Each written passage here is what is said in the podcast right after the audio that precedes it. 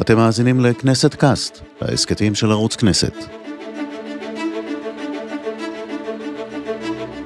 שלום לכם, מלחמות היהודים היא סדרת הסכתים שעניינה מאבקים עזים שניהלו סיעות של יהודים, פלגים של יהודים, בינם לבין עצמם במרוצת ההיסטוריה. אני ירון לונדון. באחד הפרקים הקודמים אנחנו שוחחנו על התפלגות, ההתפלגות ההיסטורית בין ספרדים לאשכנזים.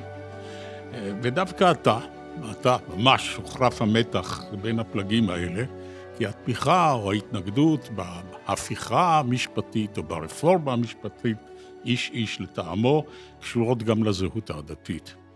בשיחה הזאת אנחנו נציג תנועה שנולדה מתוך הפילוג, לא אתה, אלא לפני כמה עשרות שנים, הקשת הדמוקרטית המזרחית. אנחנו נדבר על נסיבות הופעתה, על פעולותיה, על הצלחותיה, על שקיעתה, ויש להתחיל בכך שננקוב בשמה הרשמי של התנועה, מפני שהוא מלמד על כוונותיה. שיח חדש נקרא, שיח חדש למען השיח הדמוקרטי והרב-תרבותי בישראל. משה קריף הוא מן המייסדים, הוא היה דוברה של התנועה, הוא עורך דין, הוא יועץ תקשורת, הוא מרצה לשיווק פוליטי, הוא אקטיביסט חברתי, הוא פובליציסט, הוא גם משורר. אני אתחיל על, על מתחים בארץ ישראל, נגיד, משלהי המאה ה-19.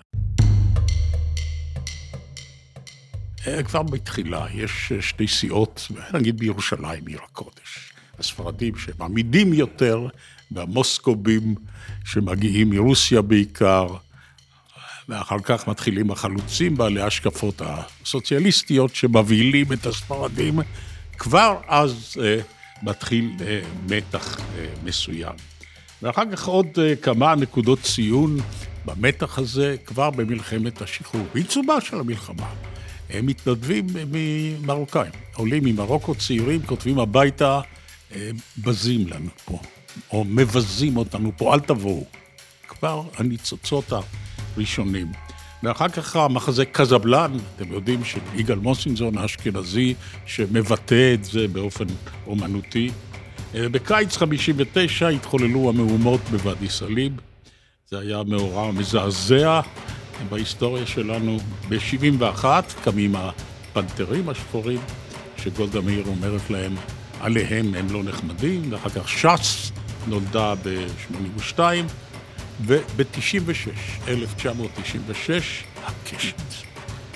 אז מה אפיין את קבוצת המייסדים הזאת? במה הפעולה של הקשת שונה מהבעות אחרות של כעס?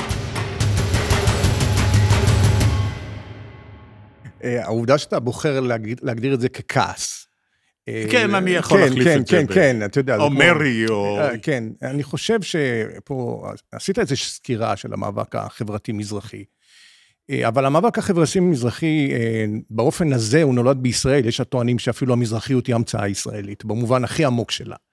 כלומר, גם כשבאים הנה העולים הראשונים, ונדמה לי שאתה התייחסת על זה באחד ההסכתים הקודמים שלך, והם מגיעים לאיזושהי קבוצה חלוצית שעושה פה את המעשה הציוני ומתכננת שיגיע כאן ציבור אחר. זאת אומרת, בכל, בכל, בכל כתביה, בעמדות שלה, בוויכוח שמתנהל בתוכה, האם בכלל לקבל את הקבוצה הזאת, ואיך לקבל את הקבוצה הזו.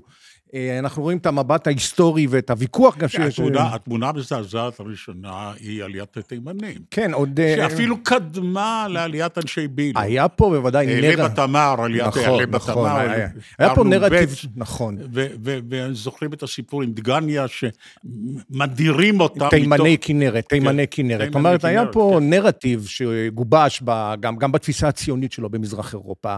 אפילו הרצל כותב על מדינת ישראל במדינת היהודים כחומה בפני המזרח הברברי. בן גוריון, שמגדיר גם על פי תום שגב את העלייה הזאת כטרגדיה של העם, המדינה קמה והגיע עם שהיא לא ציפתה לו. כלומר, היה פה נרטיב מכונן של קבוצה מייסדת, שגם כשספרו ראשים היה צריך לעבות אותו, ואז מגיעים לכאן ציבור מזרחי, בטענות אמוניות, דרך אגב, הרבה בזיקות אמוניות, לציבור המזרחי, וזה אולי יגיע בהמשך שיחתנו, לא היה ברנר, זאת אומרת, במובן הזה לא היה מי שיעמוד מול בית הכנסת וידבר על יהודי חדש. הטעמים של ההגעה לכאן היו לגמרי יהודיים ולגמרי מסורתיים, ברוב המקרים. הדחף העיקרי הוא תמיד אה, פחד ביטחוני. כן, אבל... אה, פחד לגוף. וערעור המצב הכלכלי. זה אבל אחרי התעוררות הציונות, כן. שגם שם... אחר כך כן. מספרים את הסיפור האמוני, וזה נכון גם לגבי אשכנזים. כן, עכשיו נלך לדוגמה את ואדי סאליב הזכרת. אני יצא לי לכתוב ביקורת על ספרה של תמר גוז'נסקי, קומוניסטים מזרחים. ופתאום גם שם העיראקים נדחקים לשולי הרשימה, ופתאום מיד אחרי מימות ואדי סאליב, ההצבעה היא, היא דווקא לליכוד, לגחל של מנחם בגין, ואז לא מבינים את זה, איך הם היו איתנו בשוחות. ואז אתה מבין שהטענה האוניברסלית מול הטענה הזהותית היהודית, אה, לא תמיד אה, זה הולך ביחד. טוב, אנחנו, אני לא, לא אזכור את זה, אנחנו מופיעים ב-96, אה, על רקע, גם אני כותב את זה בספרי המזרחית, שיצא לפני 18 כן. שנה, על רקע עזיבתו של דוד לוי את, ה, את הליכוד. כשדוד לוי עוזב את הליכוד ב-95, נראה לנו שיש הזדמנות. איזו הזדמנות אנחנו מדברים עליה? אני מדבר שבאותה תקופה... הוא עוזב כתוצאה מעלבון. בוודאי, מעלבון, מעלבון ממי שהוא כמובן, וראינו את זה אחר כך, וגם במהלך העניין. ואז כשהוא עוזב, היה לנו נראה כרגע שניתן לחולל את, ה, את הדיון הפנימי הישראלי המהותי, באופן הפוליטי שלו, ואני אסביר את זה. היינו אז בתהליך אוסלו, אה, היה נראה שהשלמנו את הדיון על הגבולות החיצוניים, עם הפלסטינים, עם הירדנים, ואולי הגיע העת שנתכנס פנימה לדיון המהותי של, של, של היחסים בינינו, של היחסים בין השבטים של החברה הישראלית. לשם כיווננו, לא, לא, לא בזעם. אמרנו, בואו, הייתי אומר, שיח חדש, הייתי מגדיר את זה שותפות ישראלית חדשה. הגיעה העת שנכול, הרי, הרי בישראל המפה הפוליטית נחלקת הרבה בגלל טעמים של, אה, של, של הסכסוך הלאומי שיש לנו עם הערבים. מעולם לא פנימה, הרי עכשיו, זאת אומרת, בוא נחשוב, למה תמיד השמאל הוא, הוא, הוא, הוא שמאל עשיר ושבע, ולא מרקסיסטי סוצ, סוציאליסטי כפי שהוא נגיד בכל העולם, אלא פה הוא שוכן בשכונות העשירות, והימין נמצא, הוא יותר לאומי, והמפה הפוליטית מחולקת כאן הרבה על שאלת הסכסוך והזהות. וחשבנו שהנה, באמצע שנת 95, אנחנו נגיד, אה, יחד עם דוד לוי, נבנה איזושהי אה, בשורה חדשה לפוליטיקה הישראלית במובן של הדיון האסטרטגי המהותי על הנכסים, הדיון על, ה, על, על, על חלוקת הנכסים הציבוריים מחדש, על, על נושאים חברתיים מאוד עמוקים, וכשהוא עוזב, אנחנו מנסים להפציר בו, בוא, אנחנו גיבשנו את ה... את ה אנחנו כבר לא שורפים אה, צמיגים ברחוב, אנחנו כולנו באנו מהאקדמיה ומהתרבות עם שרשרת הישגים יוצאת דופן של כל אחד שהיה, שהיה בקבוצה כן, הזו. זו הייתה קבוצה של כוכבים. כן. הם עדיין כוכבים, כי כן. הם עדיין אנשים צעירים למדי. ו... אז זה, זה לפחות היו שם דוקטורנטים בראשית דרכם נכון, המזהירה ואנ... באקדמיה. נכון, ואנשי תרבות ו- ו- ושחקנים, ו- ו- והגענו אל דוד לוי ואמרנו לו, תקשיב, בוא תוביל את המהלך לתוך החברה הישראלית פנימה, וקראנו לזה רוצים את הבכורה. זאת אומרת, במובן הזה, ואני אגיד על זה מילה, חשבנו שאנחנו עכשיו נבקש את ההובלה הראויה, או ש... שאנחנו יכולים לעשות את זה עבור החברה הישראלית. ודרך אגב, אני רוצה לומר לך שבאפריל 2097, כשדיברתי על הבכורה, היום ב-2023, אני, רוצ... אני אומר את זה גם לאחרונה בראיונות איתי, אני חושב שההיגד הזה, אני אגיד את זה הכי ישיר, הוא אפילו לא היה בשל לקבוצה המזרחית בישראל. לעשות את פרק ההובלה הזה. זה היה משהו שאני חשבתי שהגענו לבשלות עבורו, ולמדתי שהדרך כנראה הייתה יותר רכה. אנחנו נסיט אתכם, החוסלים? לא, לא, לא נסיט. ניקח, נשב על הספסל המשותף שלנו, בלי להשפיל מבט לקצות נעלינו, ולהגיד, אנחנו שותפים שווי זכויות במפעל הזה. זאת אומרת, לא, לא הסתה, לא נקמה. דרך אגב, גם זה הכעיס מאוד. כי כשאמרנו את זה, לא אמרנו על ספסל מטאפורי. אמרנו נכסים, קרקעות, תרבות, בית משפט, כל מה שנגענו בו היה המהויות של המקום הזה. אבל אה, כמובן, וגם לא, לא החבאנו את זה, אמרנו את זה. אני חושב שדוד לוי נבהל מהכוונות הללו, הוא מיד אחר כך חזר לליכוד, ואנחנו אמרנו, רגע, אנחנו גיבשנו כזה סדר יום שלדעתנו... למה נבהל? הרי הוא עצמו טבע לעצמו את אותם... אה, זו, זו שאלה מצוינת. את אותו מעמד. כן, אבל, אבל להוביל אותו בתוך חלוקה אמיתית, ולא רק פרסונלית, פוליטית, של חלוקת נכסים אמיתית בכל שדות של החיים, זה אה, להיכנס אה, למאבק. בוא ננסה להתעמק בזה מבחינה פסיכולוגית. כן. הוא, הוא, הוא מסרב לומר כן, אני שונה במובן תרבותי, הרקע שלי אחר, מבטאי אחר, הביוגרפיה שלי שונה משלכם, אני פועל בניין מבית שאן, אבל אני, אני תובע מקום לידכם, במושב שגוב רגליו שוות. אה, תראה, אני אגיד לך משהו אפילו... הוא פוחד לומר את זה. גם, אבל אני אגיד לך גם יותר מזה, גם אם אתה נניח אינטלקטואל מזהיר, וגם אם אתה נניח אה, הפרוטה ונמצאת בכיסך, ואתה תובע לעצמך סוג כזה מקום, אני אגיד לך משהו ש, ש, שזה בחוויה הפסיכולוגית שלי או של, של אנשים כמוני. אתה נכנס לחדר, אתה טעון הוכחה. אתה תמיד תהיה טעון הוכחה.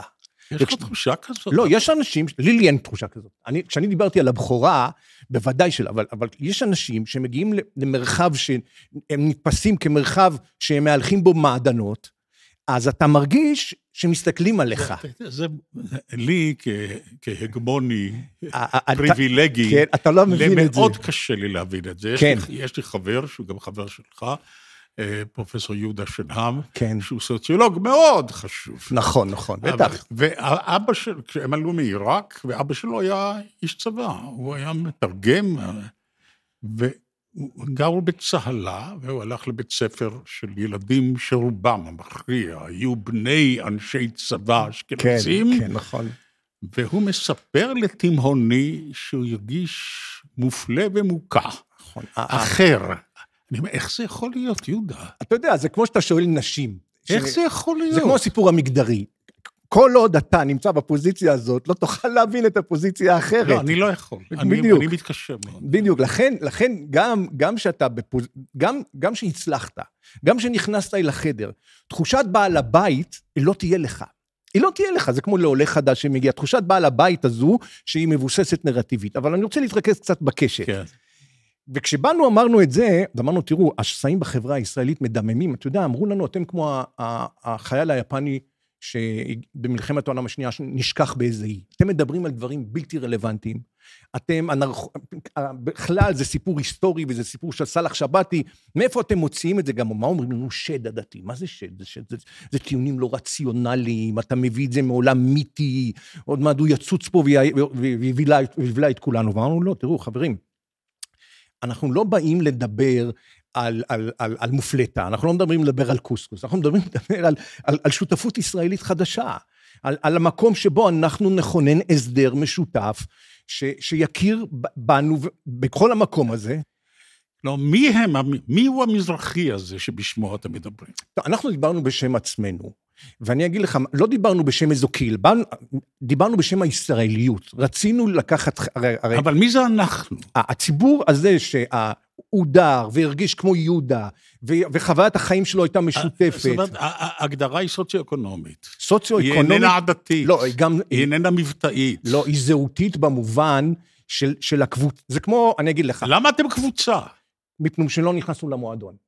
הייתם במועדון. לא, לא, לא. לפ... גם, גם מי שנכנס למועדון, הוא נכנס בתנאים של הסלקטור.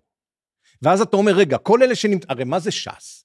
ש"ס במובן הזה, זה התגודדות מבחוץ, בתחום, בתחום הדתי, של אנשים שלא נכנסו פנימה. ואנחנו באנו ואמרנו, תראו, זה לא נכנסנו למועדון, הבט. אם אתה בודק את זה גם היום, גם בשדה התרבותי, בשדה האקדמי, ואתה עושה ספירות, ספירה, הרי היום אנחנו, תראה, הזכרת את ה... הזכרת את, את, את הימים הללו של, המ, של הרפורמה המשפטית, המהפכה המשפטית, והדברים האלה מתפוצצים לנו היום בפנים. עכשיו, הם לא מתפוצצים לנו בפנים אה, בהיבט של אה, נניח רק הטענה על ועדה למינוי שופטים. אני לא חושב ש... אני חושב שמה ש, מה שגועש פה פתאום, זה אגב דברים שדיברנו עליהם לפני 20 שנה ורק דיברנו במיוט, אף אחד לא שמע אותנו, זה איזה אי אמון בסיסי, אסטרטגי, בין, בין הגופים המרכזיים שמכוננים את המקום הזה והאופן שבו הם נבנו, לבין הציבור שאומר, רגע, אנחנו כבר לא מאמינים לשיטה הזאת.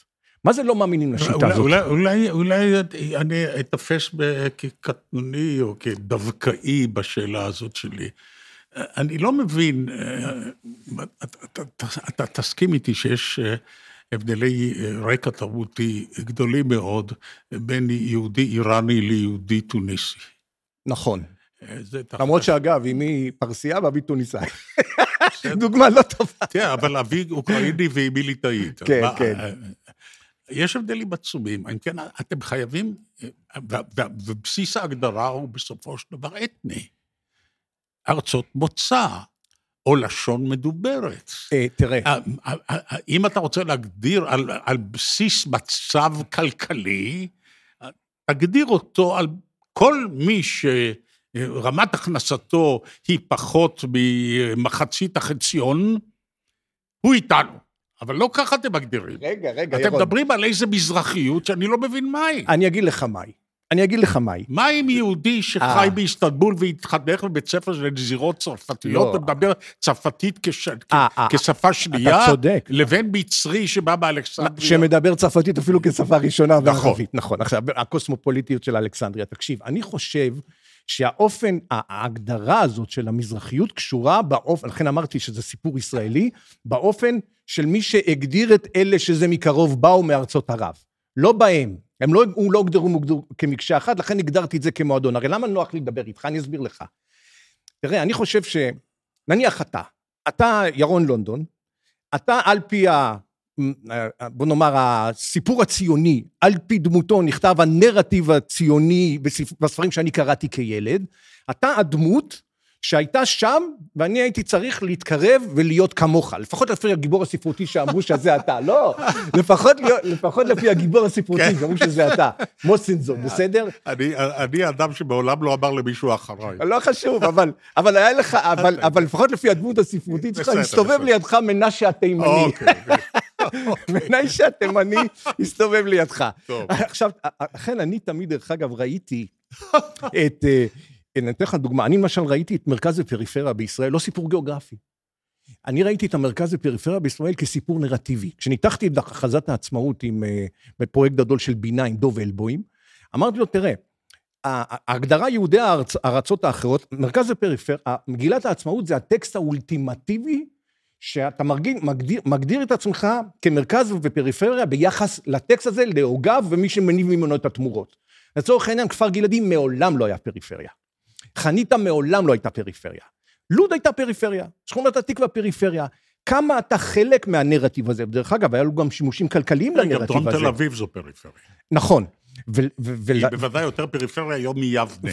ומגילת העצמאות, זאת שפנחס רוזן, פקיד בהסתדרות, שהולך את מרדכי בעם לכתוב אותה, ומגדיר את כל, את כל ההורים שלי כיהודי הארצות האחרות בשלוש מילים, אז אתה מבין שהנרטיב הזה, הוא קובע מהמרכז ומהפריפריה. טוב, איך עושים שינוי כזה? שהוא שינוי שבדמיון.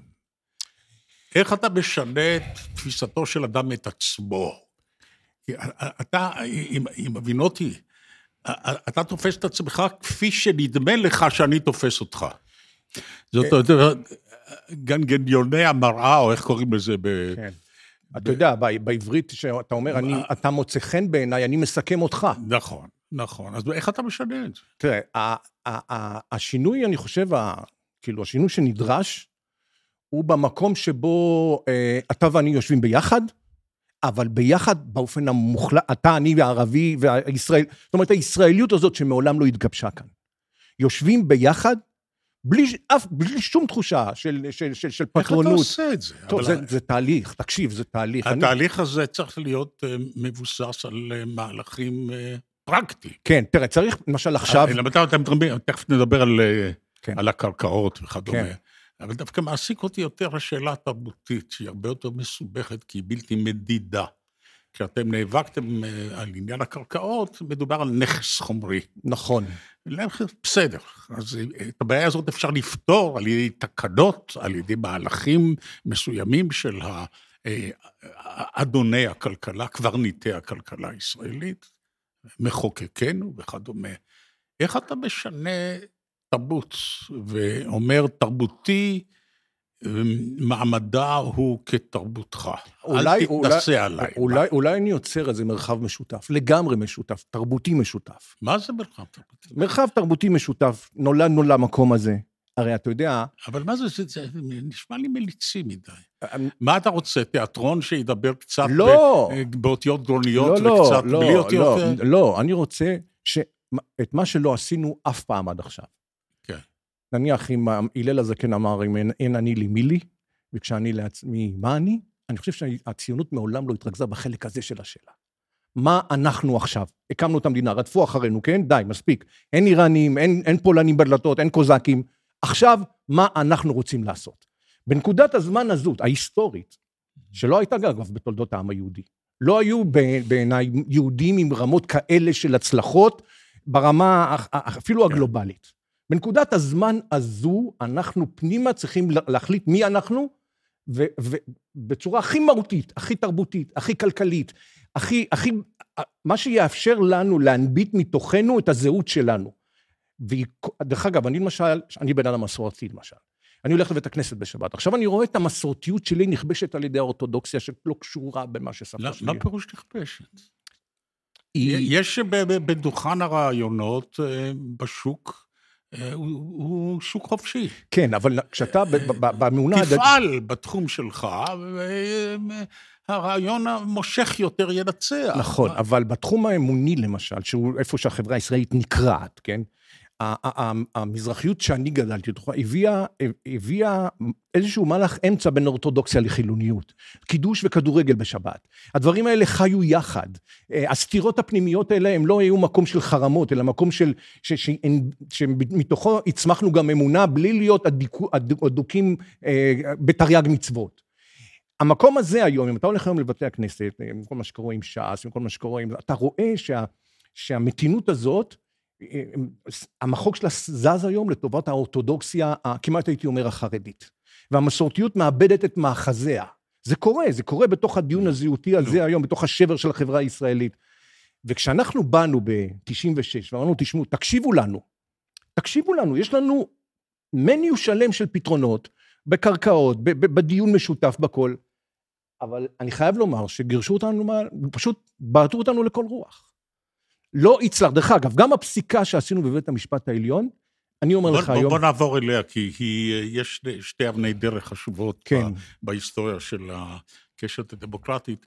האחד זה הבג"ץ הקרקעות, והשני כן. זה הדיור הציבורי. נכון, זה שני הניצחונות הבולטים של החבורה שלכם. נכון. בואו נדבר קצת על בג"ץ. ושאלת הזהות, כלומר, הסיפור המזרחי והעוצמות שלו, שהוא פתאום נ- נבט לתוך המרחב הישראלי בשנות ה-90, לא מתוך יוסי בן חרבון, אין כס לחם עבודה, אלא קבוצה אחרת מיצבה אותו ממקום קצת כן, אחר. אבל זה בלתי מדיד. כן, נכון. אבל שתי הסוגיות האחרות, או שתי הפרשיות אה, שעליהן אה, אני מבקש לדבר, הם אה, מאבקים משפטיים, אה, ציבוריים, שאפשר להצביע, אפשר למדוד אותם, אפשר לראות מה הושג.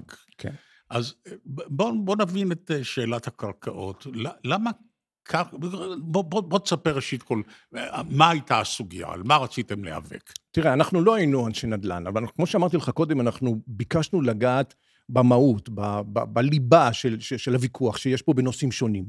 בנושא הקרקע באנו ואמרנו, אתה יודע, כמו באמת מארץ תצמח, צדק משמיים ישקף, תראה מה יש בקרקע. ראינו שחלוקת הקרקע בישראל מגלמת אי צדק היסטורי בולט. עכשיו, באיזה מובן היסטורי? ראינו שבשנות ה-90, שהחקלאות כבר לא הייתה, התחילה, ל... היו חובות קיבוצים, הח- החקלאות כבר, אה, כבר אה, די, די קרסה, והתחילה גם עלייה גדולה מברית המועצות. ובנקודת הזמן הזאת, אני זוכר שאריק שרון, שלקח את המנהל, זיכרונו לברכה, לכל מקום שהסתובב איתו, התחילו להתקבל סדרת החלטות, שבהם הקרקע, שהיא קרקע ציבורית, אה, התחילו לפעול כל מיני יזמויות בקרקע שהייתה חקלאית לטובת אה, נושאים אחרים, אולמות שמחה, שכונות, אה, עסקאות נדנ"ל על קרקע, על קרקע חקלאית. כלומר, שטח האבוקדו, העגבניות, 100 דונם אבוקדו, יכול להניב 100 דונם אה, קניון לשפיים, ליל ים, באזורי המרכז. וכשבאנו ונגענו בזה, ראינו שזה...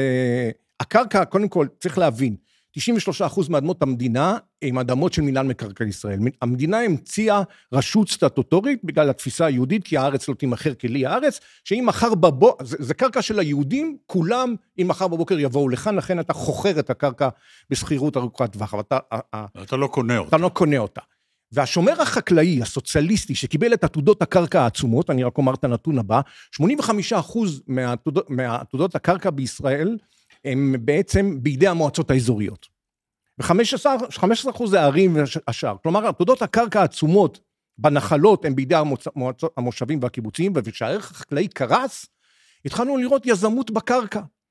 וכשאתה בודק את חוק מינהל מקרקעי ישראל מספר 1, כתוב באופן ברור שקרקע שמשנה את ייעודה, חוזרת למדינה בפיצוי הערך החקלאי בלבד. כלומר, אם יש לך 10 דונם פרדס, אתה מקבל 1,500 דולר לדונם. מה שהם עשו, בגלל שלא אני ישבתי במועצת... כי זה מה שאפשר להפיק באמצעות גידול פלפלים. נכון, ומי יושב במועצות המינהל? ההתיישבות העובדת, ולא אנחנו, והם קיבלו סדרת של החלטות שקראנו להם החלטות הבואינג. למה החלטות הבואינג? כיוון שהם כמו מטוסים, 757, 767, שאפשרו שני דברים. הכל בשפת ספרים שאף אחד לא מבין את עמודי הנדל"ן. הם אפשרו שני דברים, אפשרו שימוש לא חקלאי בקרקע, מותר, היום דרך אגב זה התרחב, והם אפשרו לשנות את הקרקע ולקבל את הערך שלה אחרי שינוי ייעוד. כלומר, שטח הפלפלים שהפך להיות לך לקניון, אתה יכול כבר להוציא ממנו עשרות מיליונים בתוך יזמות קרקעית. ואתה תקבל מזה חלק ניכר, נכון, לא את הכל. כן, לא כן, את הכל. נכון. ואז באנו ואמרנו, רגע, האדמה הזו גם שלי. והתחלנו פעם... אם אתם עושים חקלאות, אז זה שלכם. תהיו בריאים, ציונות. הפסקתם לעשות חקלאות, אתם בונים מחסן, זה גם שלי. ציונות, על הכיפאק, ואז, ואז אה, אין בעיה שתמשיך להיות חקלאי, למרות שיש לנו בעיית כמובן בן ממשיך וכל מה שקשור מסביב כן. לנחלה במושבים. ואז אמרנו, הקרקע החקלאית לא יכולה להיות המבוע של העושר הבין-דורי הזה, כי רוב העושר עובר דרך הקרקע, יהודים יודעים את זה ביובל, כן?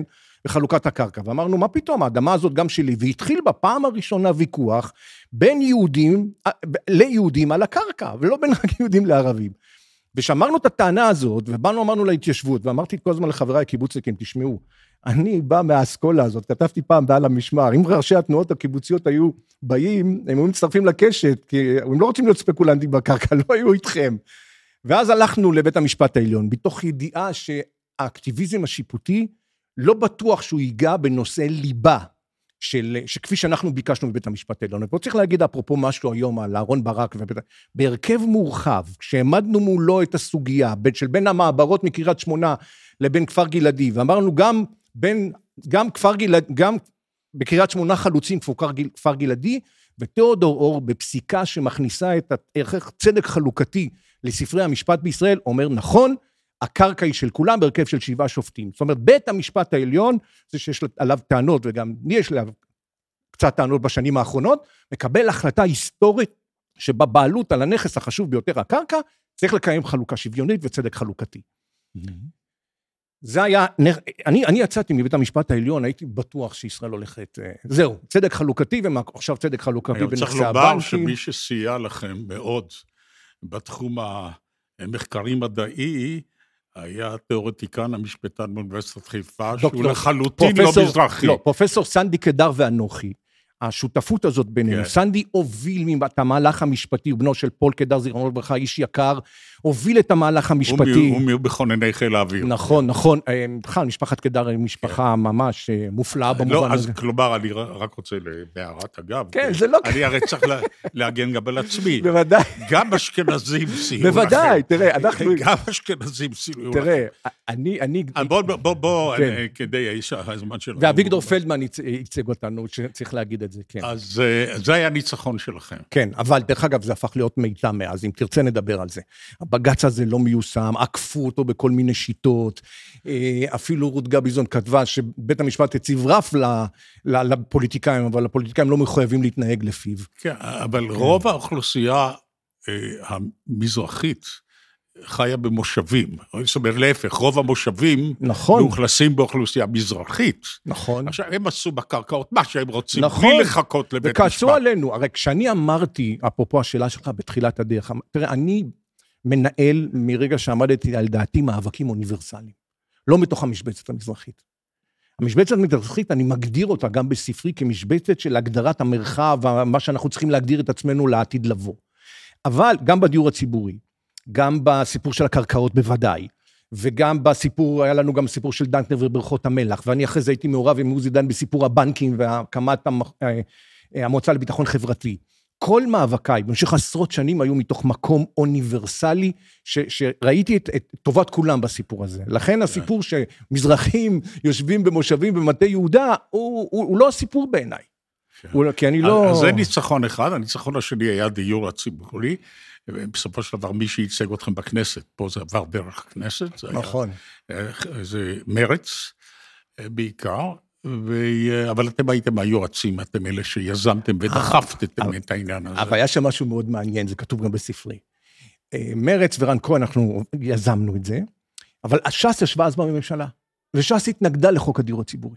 למה? התנגדה, כתוב, אה, כתבתי, והם לא, לא רצו שרן כהן ירוויח מזה נקודות ציבוריות. 아. ומי שהכריע בדיון הציבורי, זה, אני מתאר את זה, זה הדרך השלישית. אביגדור קהלני הצביע בניגוד לעמדת הממשלה ומה שביקש ממנו נתניהו, ואני באותו זמן הייתי הדובר של אביגדור, אני מעריך אותו מאוד, את האיש הזה, בניגוד ויהודה הראל, הצביעו בעד חוק הדיור הציבורי בערב הזה, ולכן הניצחון היה בניגוד לעמדת הממשלה. דווקא השבוע התפרסמו המספרים הקשורים בדיור הציבורי, מפני שזה היה חוק לשעתו. הממשלה לא קבעה תקנה. לא, הם... הרעיון היה למכור את הדירות הציבוריות במחיר נוח למי שגר שם, ובעצם שנים רבות מאז העלייה הגדולה גר שם, הוא יכול להנחיל אותה לילדיו, כי זה רכושו. בכסף הזה מקימים קרן, נכון. והקרן הזאת מיועדת להקמת מבנים חדשים שמיועדים לדיור ציבורי. והחוק הזה, ירון, לא יושם לא שנים יושם. בגלל חוק ההסדרים. האוצר התנגד בצורה עקבית, שנה אחר שנה ליישום החוק הזה. היו מבצעי מכירה. החברות המשכנות עשו מבצעי מכירה, עד היום כל מיני מבצעי מכירה, אבל החוק רק בשנים האחרונות הוא התחיל להיות מיושם באיזושהי צורה, אבל שנים ארוכות.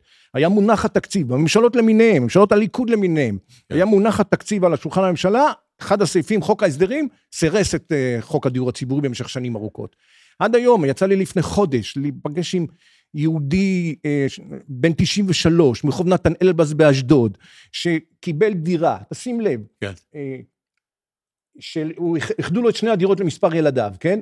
והוא בן 93 מנהל את המאבק הזה, וסופרים לו 6.47 מטר עודף על, המספ... על, המ... על, על הדירות שהוא יכול לקנות, ולא מאפשרים לו לקנות את הדירה הזאת. בשש וחצי מטר, כי זה יותר מ-100 מטר על פי החוק, והוא מנהל מאבק נורא איתם. אתה יודע, אני, אני שאלתי את עצמי, מי מגונן על האיש הזה, אפרופו הרפורמה המשפטית הזאת? בוא, בוא, אני רוצה לעשות, כמו שאני נוהג לעשות בשיחות האלה, אנחנו משסעים אותם באיזה קטע ספרותי. אוקיי. אה, יש אה, חבורת ארס פואטיקה של משוררים, כן. הארץ דווקא, מכיר אותה. מרכזי בורגני, יקי אה, ליברלי, נותן להם מקום נרחב להתבטא, ושלומי חתוקה, כן. לדעתי הוא הבולט ביותר מביניהם, והוא גם הכועס ביותר. הוא מלך ארון. יש עדי קיסר גם. גם אבל כן. שלומי חתוקה, שעוסק גם בשאלת הילדים התימנים, כן. הוא מלך ארון. ויש לו שיר אחד שלדעתי הוא שיר יוצא מן הכלל, okay. אוקיי. כשיר, mm-hmm. אבל הוא ממש מזעזע מבחינת תוכנו. Okay. אוקיי. אבל טוב להביא אותו פה. Okay. כן. כי הוא מערער על כל ה... אה, הנרטיב, נאמר, הישראלי-ציוני. מכתב לנער מהפריפריה מאת שלומי חתוקה. אל תתגייס, זה המרץ. גם ככה לא תשיג דבר. כל ההבטחות שמורות ללבנים. וכל ההנחות מובטחות לילדיהם. וגם ככה הזכויות שכולות פחות מן הדמעות של אמך או של אמו. מה אתה צריך שידיך יתרגלו אל המתכת, ועיניך להביט אל ידידים דרך הכוונת? ולמה לך לשמוע נביחות של מפקדים? עדיף לך הצהרות אהבה של נערה. גש אל הקב"ן, ספר לו על חלומותיך, הוא יחשוב אותך לי מטורף. לך אל הרופא, שאל אותו מדוע מוודאים שאתה בריא רק לפני ששולחים אותך למות. קח את שלושת השנים הללו, הענק אותן ללב. שטח אש טובה זה המקום המטשטש את הגבולות, או לפחות הענק אותם לשכל. קח את שלושת השנים לחשוב, לחקור, לדעת, שהרי גם אם תבקש להילחם ולהרוג, הרי קודם עליך לגלות מיהו בדיוק האויב שלך. אני תליתי אותו למקרר, אצלי בבית, ואיבדתי אותו הרבה, מפני שכשיר הוא חזק מאוד, כי הוא אגרוף בבטן. אה, אותי כהגמוני, זה מזעזע פשוט. אבל... אני... עכשיו, עכשיו, תראה, מה שנאמר פה, האויב זה לא ערבי, הערבי הוא ידיד. הוא חבר שלי למאבק. טוב, אני... האויב אני, הוא אשכנזי. אני, אני לא רואה, גם, אני, זאת אומרת, אני לא יודע מי האויב, אני, אני אגיד לך את האמת, אני, למה אתה תולה את זה על, על בביתך? אני, את הספר שלי אני הוצאתי בהוצאת גלובס. עמי אבן, שהיה מנכ"ל גלובס, אפשר להוציא את הספר. חבריי הקרובים, דידי ארזי, מנכ"ל נייס ואחרים. כן, למה אתה אומר את זה? כי, כי, אה, מה, הם האויבים שלי? הם, הם, הם בני המשפחה... עובדה שכך מרגיש... הם, הם, הם, הם, הם, בני, הם בני המשפחה של המאבק שאני מנהל איתו. תראה, אני אף פעם לא הייתי קורבן, וסירבתי להיות במקום הזה. אני לא מדבר מתוך הגדם, אף פעם לא דיברתי מתוך הגדם, גם אם נולדתי בשכונה שהיא פחות נניח מבוססת מהשכונה שאתה נולדת בה. אני בא ואומר, אתה אני... טועה. לא חשוב, בסדר, עזוב. אני מדבר על, על השיר הזה ברוח הימים הללו, בסדר? כן. תראה, נורא קל להגיע למקום הנקמני. אני זוכר שפעם... שפעם יצא לי להיפגש עם חברך, זיכרונו לברכה, אמנון דנקנר, מיד שהקמנו את הקשת. והוא הלך להיות עורך מעריב, ואני באתי, אתה יודע, בקושי יחפן, והוא אמר לי, תשמע, אנשים כמוני פוחדים מאנשים כמוך. אני אומר, מה פה, יש לי משכנתה, אני בקושי הגעתי באוטובוס. ואז הוא אומר לי, לא, לא, לא, כי תבוא איתנו חשבון. אמרתי, איזה חשבון? אנחנו יהודים, איזה חשבון? אנחנו רוצים להקים פה... לא, הוא לא הבין, הוא אומר, לא, לא, זה לא תופס. אתה שמעת את אה, נאום השעונים. כן, כן. בכנסת, כן, נכון? עכשיו, תקשיב, כן, ודאי, אז רגע, אני אגיד לך משהו. יש לו אותה נימה של שלומי חתוכה. כן, אני, אני אגיד לך משהו. זה רפלקטיבי לגמרי. זה גם, בעיניי גם ההצבעה הפוליטית המזרחית היא רפלקטיבית. זה מין, אני יודע להגיד את זה היום בצורה מדויקת, שה, שהציבור המזרחי בישראל הוא קולקטיב פוליטי רק לפטרון אשכנזי. אני אומר לך את זה באחריות. עכשיו, כשאני בא ואומר, תראה, זה רפלק, הכל זה רפלק, רפלקטיבי. למה? כשאתה בוחן את השבר היום, תראה את הצבא, כן, הוא מדבר על הצבא. זאב לרר, הקוד האתני, שעכשיו מוציא ספר לפני שנה, שמספר שהצבא היה חלק ממסלול ההדרה, באופן שבו מכונאי המטוסים מבין, בגלל הקב"א, שהוא יכול היה להיות טייס. הפרות הקדושות נשחטות כאן.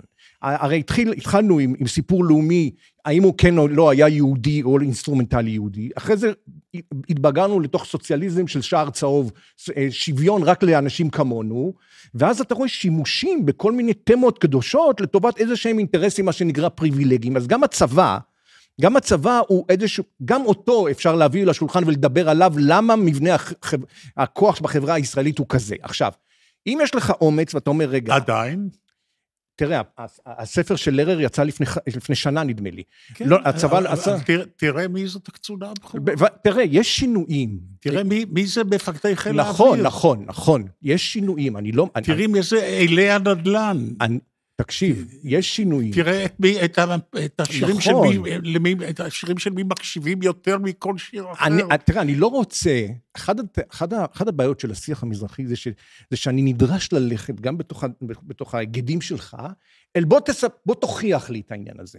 עכשיו, אני לא רוצה, ומעולם לא רוצה להתחיל ל, ל, ל, ל, לספור ראשים באקדמיה, לספור ראשים שם ולספור, לא, אני רוצה שהכאב הזה יהיה מונח, ולא נטפל בו לא נתעסק בעבר בטיפול בו, אפרופו חתוכה.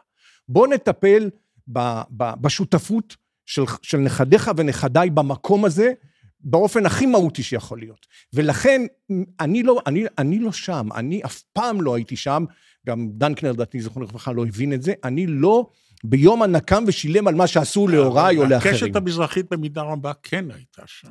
והיו בה גוונים, למשל, תמיכה במרגל האטום וענונו. תראה. או כשאני נכנס עד היום, הרי יש לכם עדיין אתר אינטרנט. כן. אז אני אה, רואה את הדמויות שהן מוצגות כדמויות המופת של, של הקשת המזרחית, שהקשת המזרחית אה, מתחממת לאורן. כן. אני מוצא את שמחה צברי, למשל, כדמות כזו. שמחה צברי הייתה תימניה מבית עני ביותר, שהייתה מנהיגת פועלים בעילית, ואחר כך נשלחה על ידי המפלגה הקומוניסטית להתחנך במוסקבה, והייתה בפק"פ מהמנהיגות של המפלגה, הפרקציה, זה ביידיש הרי, הפרקציה הקומוניסטית הפלסטינאית, חברתו של מנהיג המפלגה שהיה ערבי, והיא כנראה, עם קבוצה של חברים, בזמן מאורעות 36-9, תמכה בטרוריסטים הערבים. בסדר, אני לא מתווכח עם השקפותיך הפוליטיות, אבל זה הדימוי של זה, את זה, אם הדמויות האלה, הקשת המזרחית רוצה לשכנע... לא, אני, תראה... או יש שם פיטוסי אחת שהיא זמרת בארמון המלך המרוקאי. תגיד לי, מה זה, מה זה... אני, כשה, כשיצא לי להיות חלק מהקבוצה המייסדת עם, עם ויקי שירן, זיכרונה לברכה, דיברנו על הישראליות הזאת שאנחנו רוצים לעצב מחדש. דיברנו במושגים האוניברסליים הללו. עכשיו אני רוצה לומר, זה, תראה, אבל אין צד אחד לעניין הזה, אין רק שמוליק, שמוליק חתוקה. אני ניסיתי עם עוזי דיין להקים את המועצה לביטחון חברתי ולהביא בעלי הון לטובת מה שכתבתי בה. בספר שלי לפני 18 שנה, הגדרת מחדש של המכנה המשותף בינינו, שאלת הרכיבים היהודיים והאזרחים של, היש, של הישראליות.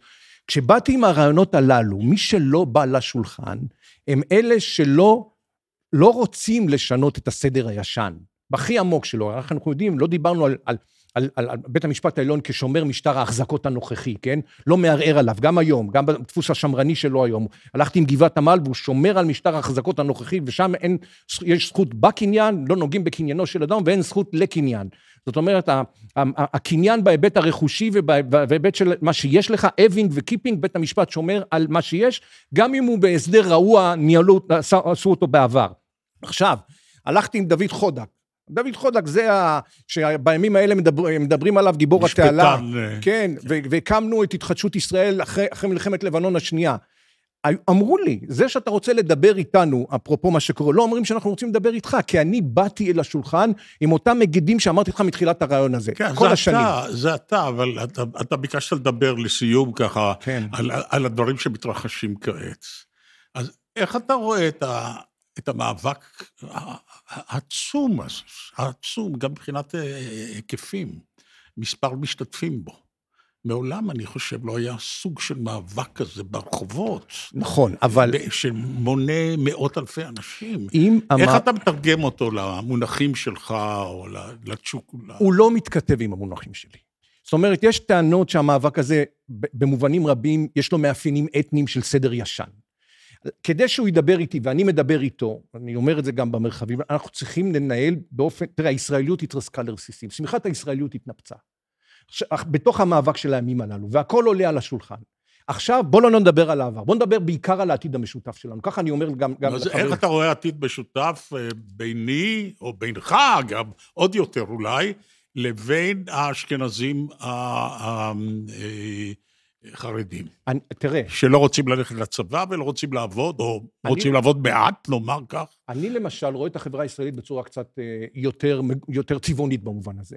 אני למשל, החבר'ה של ש"ס, אני לא מזהה אותם כחרדים. הרבה מהחבר'ה של ש"ס עשו צבא. אתה צודק. הרבה, הרבה, הרבה חבר'ה, זאת אומרת, זה לא נכון, והמספר הפוליטי שלהם זה לא, זה לא, זה לא, זה לא הכדרות שנותנים לנו, וגם לא אלה שביהודה ושומרון. אני רק אומר, שהציבור המרכזי בישראל, לנהל איתו את השינוי, אני גם מציע את זה למחאה, להתכתב עם, עם הדיאלוגים הללו שגם עלו כאן. אני רק, אני, אני חושב שאם לא ניגע במהויות הללו ולא נטפל בהם, הרי השבר פה הוא עצום. אני פעם אמרתי, נניח עכשיו אומרים, אה, הצד השני שרצה את הרפורמה, מה שעכשיו תוסס זה עובדה, ניצחו אותנו, באו לראש הממשלה ושמו לו אולטימטום. ואז פתאום עולה השאלה, שאלה שאולי תזעזע אותך, כמה רע יכולה להיות מדינה חרדית למזרחים, שהמדינה היהודית הדמוקרטית האשכנזית כבר לא הייתה להם. אז אתה אומר, רגע, לאן, לאן הפינות האלה הולכים? לאן אנחנו הולכים בקטטה השבטית לא, הנוראה הזו? מה אתה משיב? אני אומר שאסור לנו להגיע לשאלה הזאת. אני אומר שאני אני, אני מאמין גדול שהדיאלוג הזה גם אה, בין, בין הקבוצות, ושלא מבוסס על נקמות העבר ואתה האויב שלי עכשיו. ערבים, יהודים, ואני מייצג גם בדואים, ואני מייצג אה, אוכלוסיות מוחלשות. השותפות הזאת, שיהיה בה מקום אה, נעדר פריבילגיות, ומתוך כללים אמיתיים, אני חושב שאנחנו נלך לשם. כי אם לא נלך לשם, נהיה קנטונים, ואם נהיה קנטונים, כפי שאתה יודע, על פי הסדרה שלך, כפי הנראה גם לא נהיה. כן, אז זה אזהרות, אבל אני עדיין, אה, זה לא נורא, לא, אנחנו לא מוכרחים להגיע לפרוגרמה יישומית בשיחה הקצרה הזאת, אבל אני עדיין לא מבין מדבריך איך אפשר לגשר או לפעול יחדיו, כאשר מדובר באוכלוסיות שיש להן כיסופים שונים לחלוטין. יש כאלה שרוצים להקים את בית המקדש, ויש כאלה שדתיים, חרדים, שאוסרים לעלות על בית המקדש, אבל לעומת זה לא מוכנים ללכת לצבא, כי את כל היום והליל יש להקדיש לפלפולים תלמודיים. כי ליהודים... ולבין בדואים בנגב שיש להם אינטרסים בכלל. תראה, זה, זה, זה, זה, זה אתגר אה, לאומי בין-דורי עצום. ליהודים אין פרקטיקה של ניהול מדינה. אין פרקטיקה של ניהול מדינה. אלפיים שנה הם היו בחוץ, לא. אין, אין, להם, אין להם שום ידיעה ומושג ירוק יש, על העניין האם הזה. האם יש אה, תחליף למדינה, כי... לדמוקרטיה ליברלית? לא. חילונית, חילונית, להפרדה מוחלטת של בוא דת נגדיר, בו, אני אומר, בוא נגדיר את המרחב האזרחי הזה, החילוני הזה, שיש בו גם מקום לזהות יהודית. נעשה את זה, זו משימה לא פשוטה. כי אין לנו, מעולם לא היו יהודים בפוזיט... תראה, היהודים לא יודעים להיות רוב, כשם שאני לא יודע, אפשר להגיד על האסלאם שלא יודע להיות מיעוט בכל הטענה הזאת. זאת אומרת, אנחנו פה שטטל עם חיל האוויר ו-8200, אנחנו קהילה יהודית. והיהדות יש לה ערך בתוך מרחב אמוני פנימי, ובואו לא נבטל אותה, ונאפשר גם מרחב אזרחי למי שהוא לא אמוני כזה. אני חושב שהדיאלוגים האלה, צריך לגעת בהם. ולנו אין את הניסיון, מה, אנחנו לא נבנה סנהדרין עכשיו, ולא, ולא סנהדרין קטלנית אחרי 70 שנה, לא נעשה את זה, זה די ברור, גם, גם אנחנו יודעים שבתוך התמות האמוניות, המצוות, ההלכה היא, היא, לא, היא לא מיושמת ואסור היה ליישם אותה. כן. אבל, אבל אלה, אלה, אלה סוגיות שעומדות לפתחנו, לא נוכל להתחמק מהן. התחלנו בקשת המזרחית בכל זאת, אפשר לראות בה עוד מאמץ אחד, או עוד אה, תנועת מחאה, או תנועת תיקון, אה, ואחרי כך וכך שנים. אמ, השגתם משהו? בעל ערך? בעל חשיבות? אני חושב שכן. אני חושב שבמובנים מסוימים, הפעולות של הקשת, הדילמות שהיא עוררה, הדילמות הזהותיות, הקנייניות, המקום הזה, השאלות הגדולות ש, שאמרנו אותן בהתחלה כשאלות שניצבות מעל המקום הזה ומחכות לתשובה, עדיין נמצאות, אבל הקשת, ההופעה של הקשת במובן זה, היא הייתה הופעה מזהירה, כי היא נגעה בסוגיות האלה, אה, גם מתוך קטטה, גם מתוך משפט, גם מתוך חקיקה, אה, ואני חושב שה, שהעתיד יוכיח שהקשת הניחה את המסד לתשובות שהחברה הישראלית עוד צריכה לתת להם. משה קריב, תודה רבה לך. תודה. זו הייתה שיחה מרתקת. תודה.